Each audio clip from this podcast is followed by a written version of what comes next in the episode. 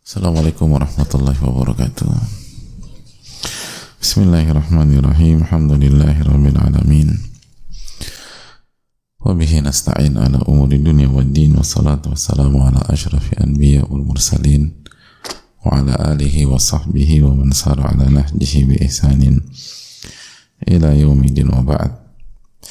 Allahumma salli wa sallim wa barik wa an'im ala nabiyyina Muhammadin wa ala alihi wa sahbihi ajma'in. Alhamdulillah alladzi bi ni'mati tatimmu salihat. Segala puji bagi Allah yang dengan hidayah, dengan taufik dan pertolongannya amal ibadah bisa dikerjakan dan bisa disempurnakan.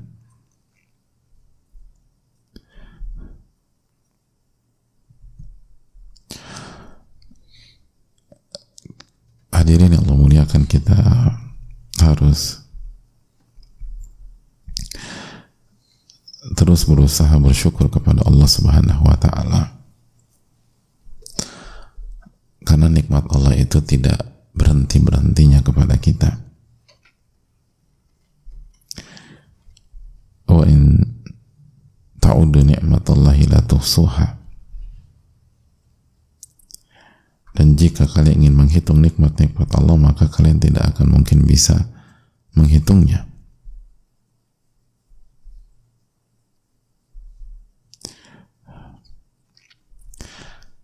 Hadirin Allah muliakan.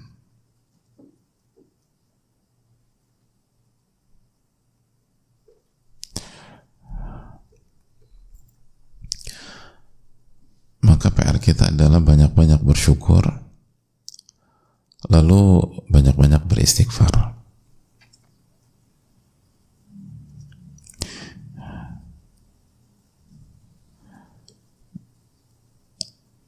Karena mau sehebat apa pun kita bersyukur pasti kita lalai. Jangankan bersyukur, ngitung aja nggak berhasil. Menghitungnya aja nggak berhasil. Maka marilah kita banyak-banyak bersyukur dan banyak-banyak beristighfar kepada Allah. Dan di antara yang harus kita syukuri tentu saja nikmat iman, nikmat akses untuk mendekat kepada Allah, nikmat hidayah, dan nikmat aman, nikmat nyawa, nikmat aman, nikmat nikmat bisa beraktivitas. Itu adalah nikmat yang menjadi PR besar kita pada hari kiamat nanti karena kita akan ditanya thumma latus'alunna yawma idzin 'anil na'im. Dan kalian pasti akan ditanya tentang nikmat-nikmat yang Allah berikan kepada kalian. Maka semoga kita bisa mensyukuri nikmat yang sangat besar itu dan semoga Allah menjaga kita semua, keluarga kita, orang-orang kita cintai. Semoga Allah Subhanahu wa taala menjaga guru-guru kita, ulama-ulama kita. Semoga Allah Subhanahu wa taala menjaga umat dan menolongnya khususnya saudara-saudara kita yang terzolimi, teraniaya di Palestina dan di berbagai tempat yang lain. Semoga Allah SWT memberikan kita dan mereka semua kesabaran dan pahala yang berlimpah. Dan semoga yang wafat diberikan husnul khatimah amin ya rabbal alamin. Hadirin Allah muliakan. Kita kembali ke Al-Allama Al-Imam Yahya bin Sharaf bin Muri Abu Zakaria atau biasa dikenal dengan nama Al-Imam An-Nawawi rahimahullah. Dan kita sedang membahas bab baru bab memuliakan ulama ahli ilmu memuliakan orang-orang senior orang-orang tua orang-orang punya jasa punya keutamaan punya kedudukan dan memprioritaskan mereka lalu mengangkat kedudukan dan majelis mereka dan menunjukkan hal itu semua. Lalu Al-Imam An-Nawi rahimahullah ta'ala membuka dengan sebuah ayat dari Al-Quranul Karim yaitu surat Az-Zumar ayat keberapa? Kesembilan ayat itu dibuka dengan firman Allah atau firmannya amman huwa qanitun ana al-layli sajida wa qa'ima yahdharul akhirata wa yarju rahmata rabbih qul hal yastawi alladhina ya'lamun wal ladhina la ya'lamun innama yatadhakkaru ulul albab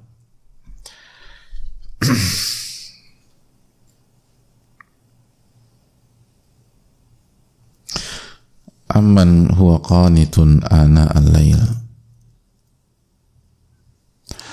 apakah kalian orang-orang musyrik yang lebih beruntung atau orang yang beribadah di waktu-waktu malam dengan sujud dan berdiri?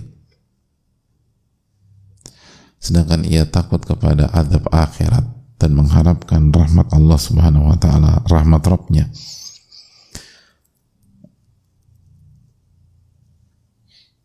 Kul hal yastawi alladzina ya'lamun walladzina la ya'lamun. Katakan apakah sama orang yang mengetahui dan orang yang tidak mengetahui?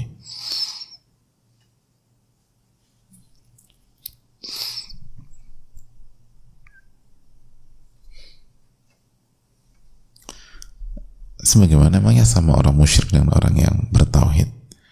Orang yang bermaksiat dengan orang yang beribadah sebagaimana emangnya sama orang nggak ngerti dan orang yang ngerti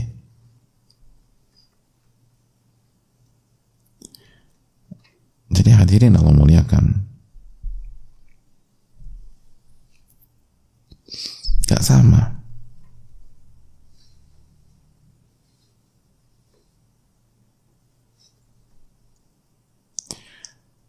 Hadirin Allah muliakan. Jelas berbeda. Yang bisa mengerti dan mengambil pelajaran adalah orang-orang yang punya akal. Jadi yang mengerti ini hanya orang yang punya akal. Yang gak punya akal nggak mengerti ini. Hadirin Allah muliakan.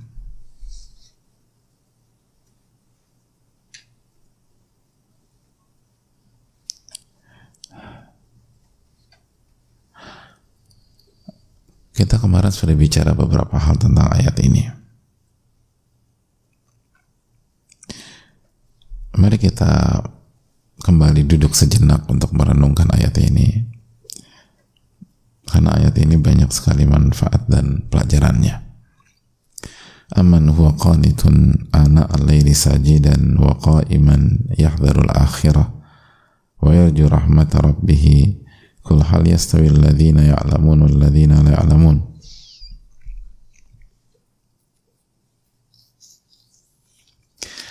Hadirin Allah muliakan, sebagian para ulama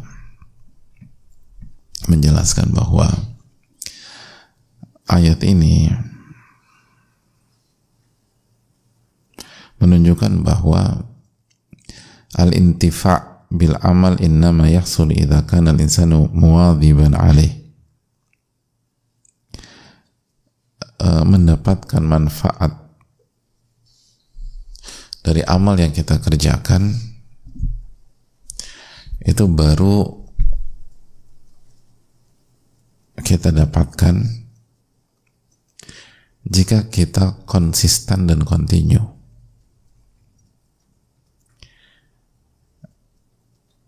Para ulama mengambil dari kata qanit itu. Aman huwa qanitun ana al-lail.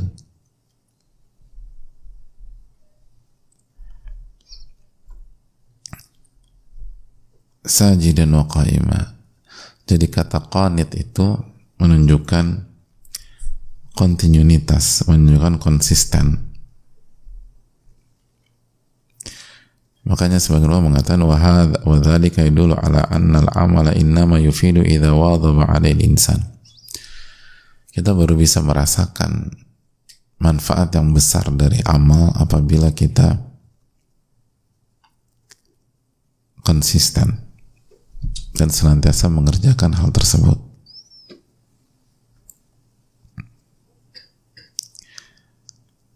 Kalau enggak, maka sulit mendapatkan manfaat dari amal yang kita kerjakan. Gitu loh.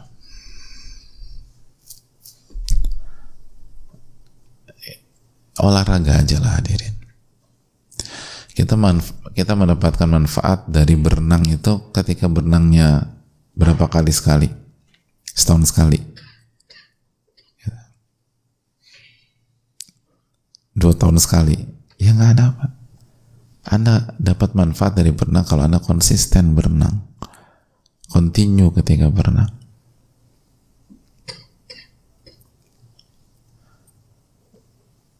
Lari gitu.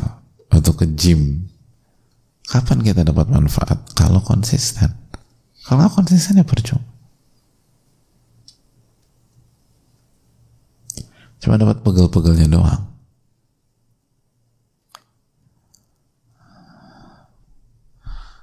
Kita dapat manfaat dari makanan yang bergizi secara maksimal kapan? Kalau konsisten makan bergizi. Kalau cuma sekali setahun ya nggak bisa. Diri. Makan daging atau makan protein yang bagus, makan telur setahun sekali, ya udah.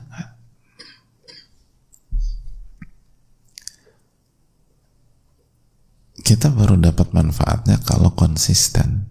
Makanya kan manfabata nabat. Barang siapa yang konsisten di satu titik, dia akan tumbuh. Dan dari sini sekali lagi harusnya membuka mata kita hadirin Allah muliakan.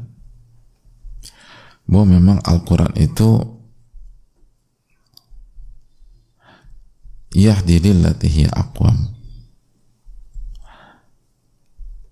Al-Quran itu benar-benar memberikan petunjuk ke jalan yang terbaik. Sebagaimana surat Al-Isra inna hadzal Qur'an yahdi lillatihi aqwam Sesungguhnya Al-Quran itu menunjukkan ke jalan yang terbaik, ke jalan yang paling bagus. Bayangkan hal seperti ini dijelaskan di dalam Al-Quran dan dikaji oleh para ulama bahwa Anda atau kita tidak akan mendapatkan manfaat secara jelas, secara signifikan dari amalan atau hal positif atau kegiatan positif yang dikerjakan. Kecuali konsisten. Kecuali konsisten. Kecuali konsisten. Makanya kajian yang paling bermanfaat kajian rutin kajian yang bermanfaat adalah kajian rutin. Kalau kajiannya bolong-bolong berat.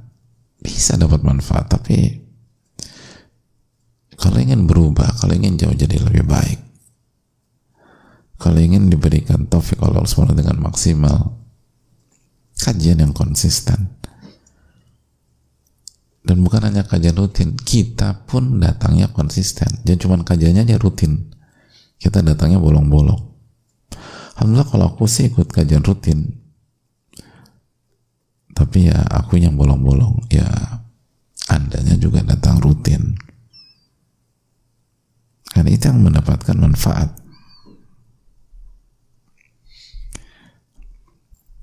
Hadirin Allah muliakan.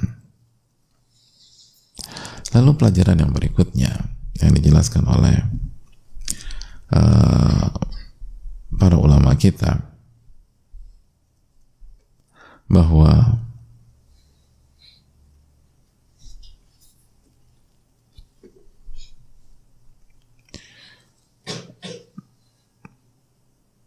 hadis ini menjelaskan kepada kita bahwa Allah juga menyampaikan tentang keutamaan ilmu. Fadilatul ilm, keutamaan ilmu. Sehingga orang yang berilmu nggak mungkin bisa disamakan dengan orang yang tidak berilmu.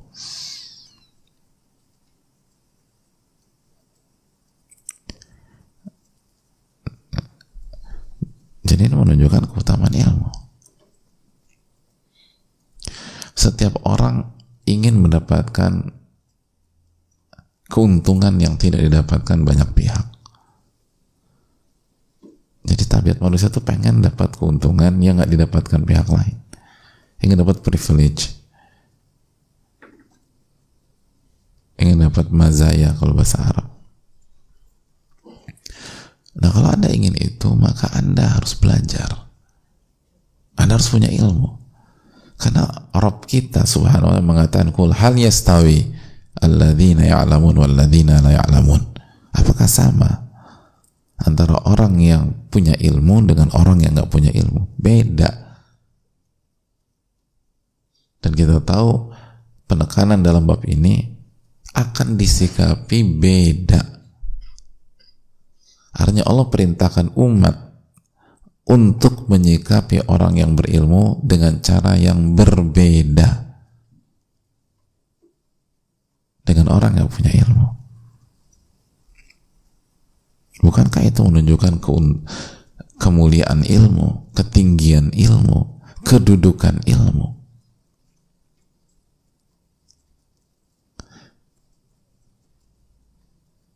sehingga Allah perintahkan kita untuk menyikap yang punya ilmu dengan cara yang berbeda.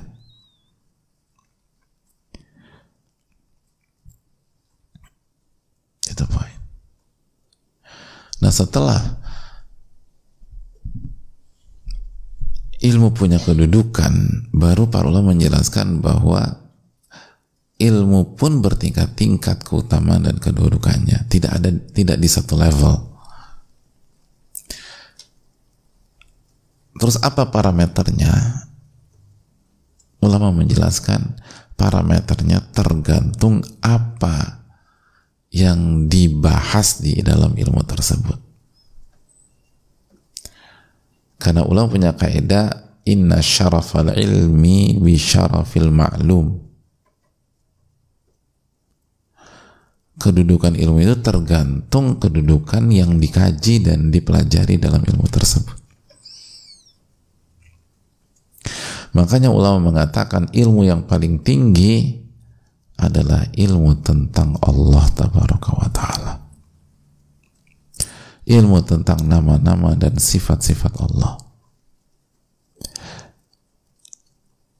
Lalu ilmu tentang apa yang Allah cintai dan ridhoi dan ilmu tentang apa yang Allah tidak sukai dan Allah benci. Kenapa? Karena tidak ada yang lebih mulia daripada Al-Aziz, Al-Karim, Allah Tabaraka wa Ta'ala. Tidak ada yang lebih tinggi daripada yang maha tinggi subhanahu wa ta'ala. Tidak ada yang lebih besar dibanding Allah Tabaraka wa ta'ala. Jadi kalau kita ingin tahu ilmu apa yang paling mulia maka ilmu tentang Allah Subhanahu wa taala. Masa ilmu tentang produk benda disamakan dengan ilmu tentang Allah kan gak mungkin hadirin.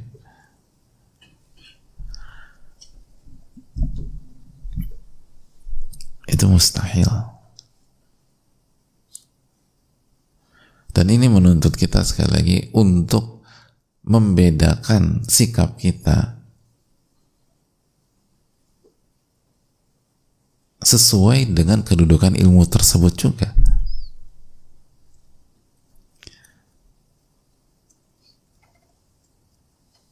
Jadi itu tadi kan kita kita harus memuliakan orang yang berilmu, orang-orang senior, orang-orang tua dan orang-orang punya kedudukan. Nah mereka pun bertingkat-tingkat juga. Gitu. Semua orang lapangan ngerti.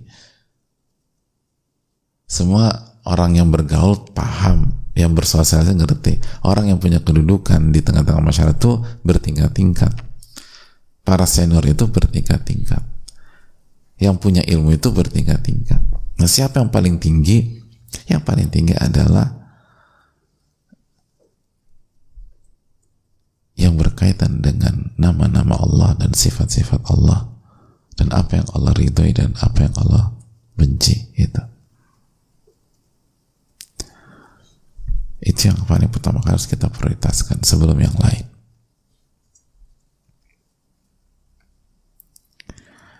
Sebelum yang yang lain.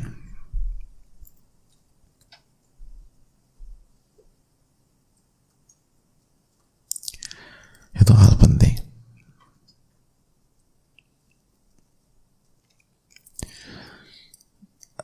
Jadi waktu kita ini terbatas hadirin tenaga terbatas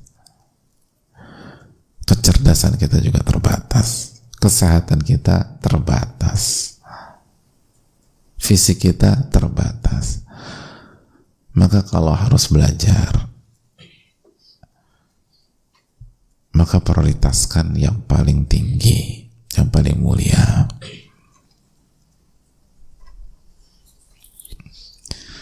Di samping kita tetap beraktivitas sesuai dengan bidang kita masing-masing.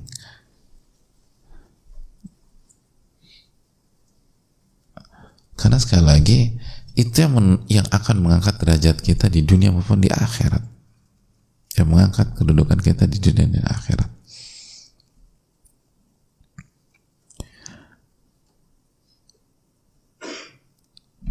Dan pelajaran terakhir pada kesempatan kali ini hadirin sekalian, Lihat bagaimana Allah Subhanahu wa taala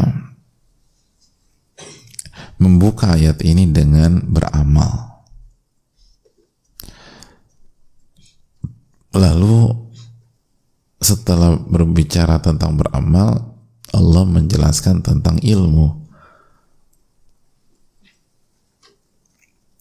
Coba lihat, amman huwa qanitun. Apakah sama orang-orang yang beribadah di waktu malam dengan sujud dan berdiri?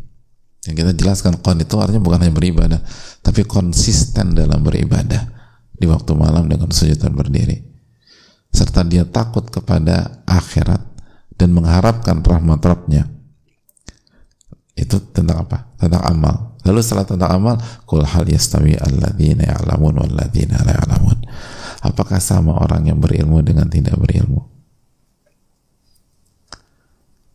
Jadi Allah langsung ngebahas poin lain tentang ilmu. Karena sebagian para ulama ini adalah sebuah pesan penting bagi kita. Anna kamal al-insan mahsurun fi hadainil maqsudain.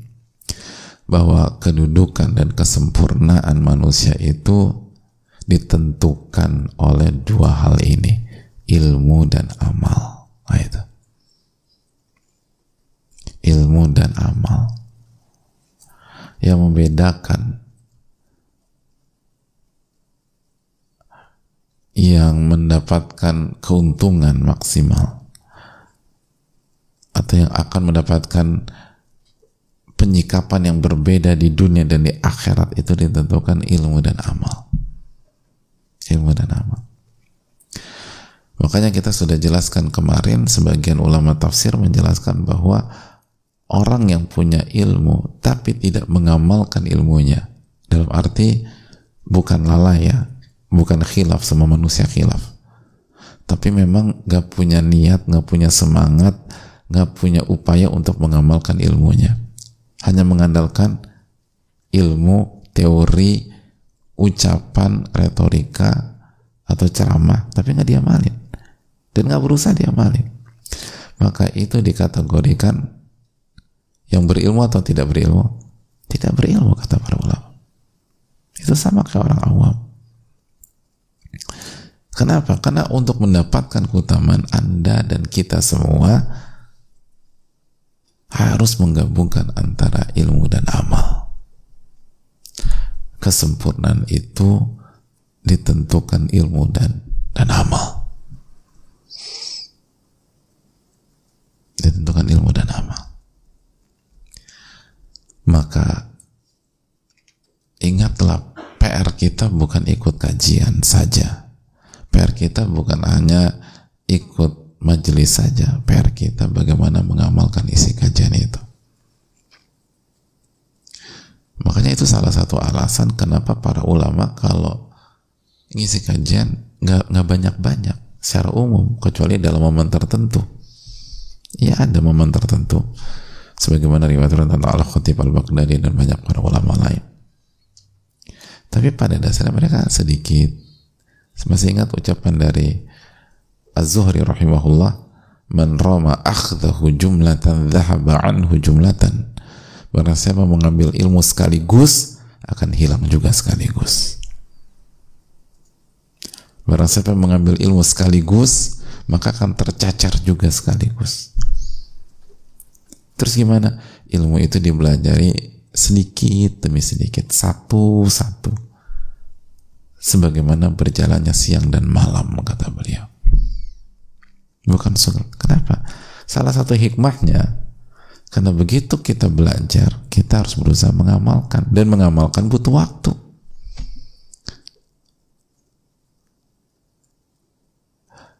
Mengamalkan butuh waktu. Semakin kita belajar dengan porsi yang luas, dengan porsi yang banyak, semakin berat kita mengamalkan.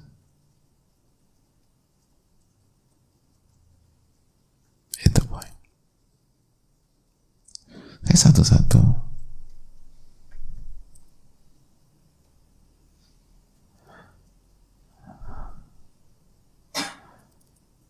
Makanya ada sebagian bertanya, Ustadz kenapa kajian Rasulullah cuman nggak sampai setengah jam paling setengah jam? Jawabannya di antaranya, uang yang segini aja susah kita amalin, apalagi kita tambah. Dan ini kan kajian tiap hari, sedikit-sedikit sedikit-sedikit. Ini bukan banyak-banyakan.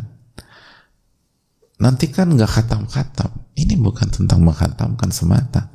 Ini tentang Anda belajar rutin dan bisakah Anda mengamalkan itu.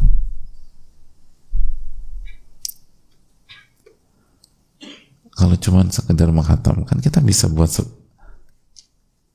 tujuh kali pertemuan bisa khatam. Dengan baca aja gitu terus. Tapi yang bisa diamalin ya nggak bisa lah. Oleh karena itu semoga Allah memberikan taufik kepada kita. Dan coba direnungkan ingat awal, diawali dengan beramal lalu habis itu disinggung tentang ilmu ini menunjukkan ilmu dan amal adalah faktor penentu dan tolak ukur dari kemuliaan kesempurnaan dan kebaikan seseorang. Semoga Allah memberikan taufik assalamualaikum warahmatullahi wabarakatuh Teruslah menabung pahala dengan bersedekah.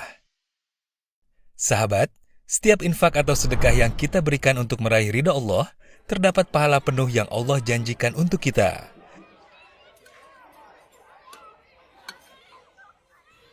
Sampaikan sedekah terbaik kita mulai dari yang terdekat, seperti keluarga, kerabat, hingga saudara jauh yang membutuhkan. Sahabat juga bisa terlibat dalam perjuangan menebar kebaikan melalui program ragam aktivitas Muhajir Project Peduli yang insya Allah bermanfaat. Semoga Allah memberkahi dan memberikan kebahagiaan di dunia dan akhirat. Amin. Ayo, terus kejar keberkahan dan pahala penuh bersedekah dengan mendukung ragam aktivitas Muhajir Project Peduli.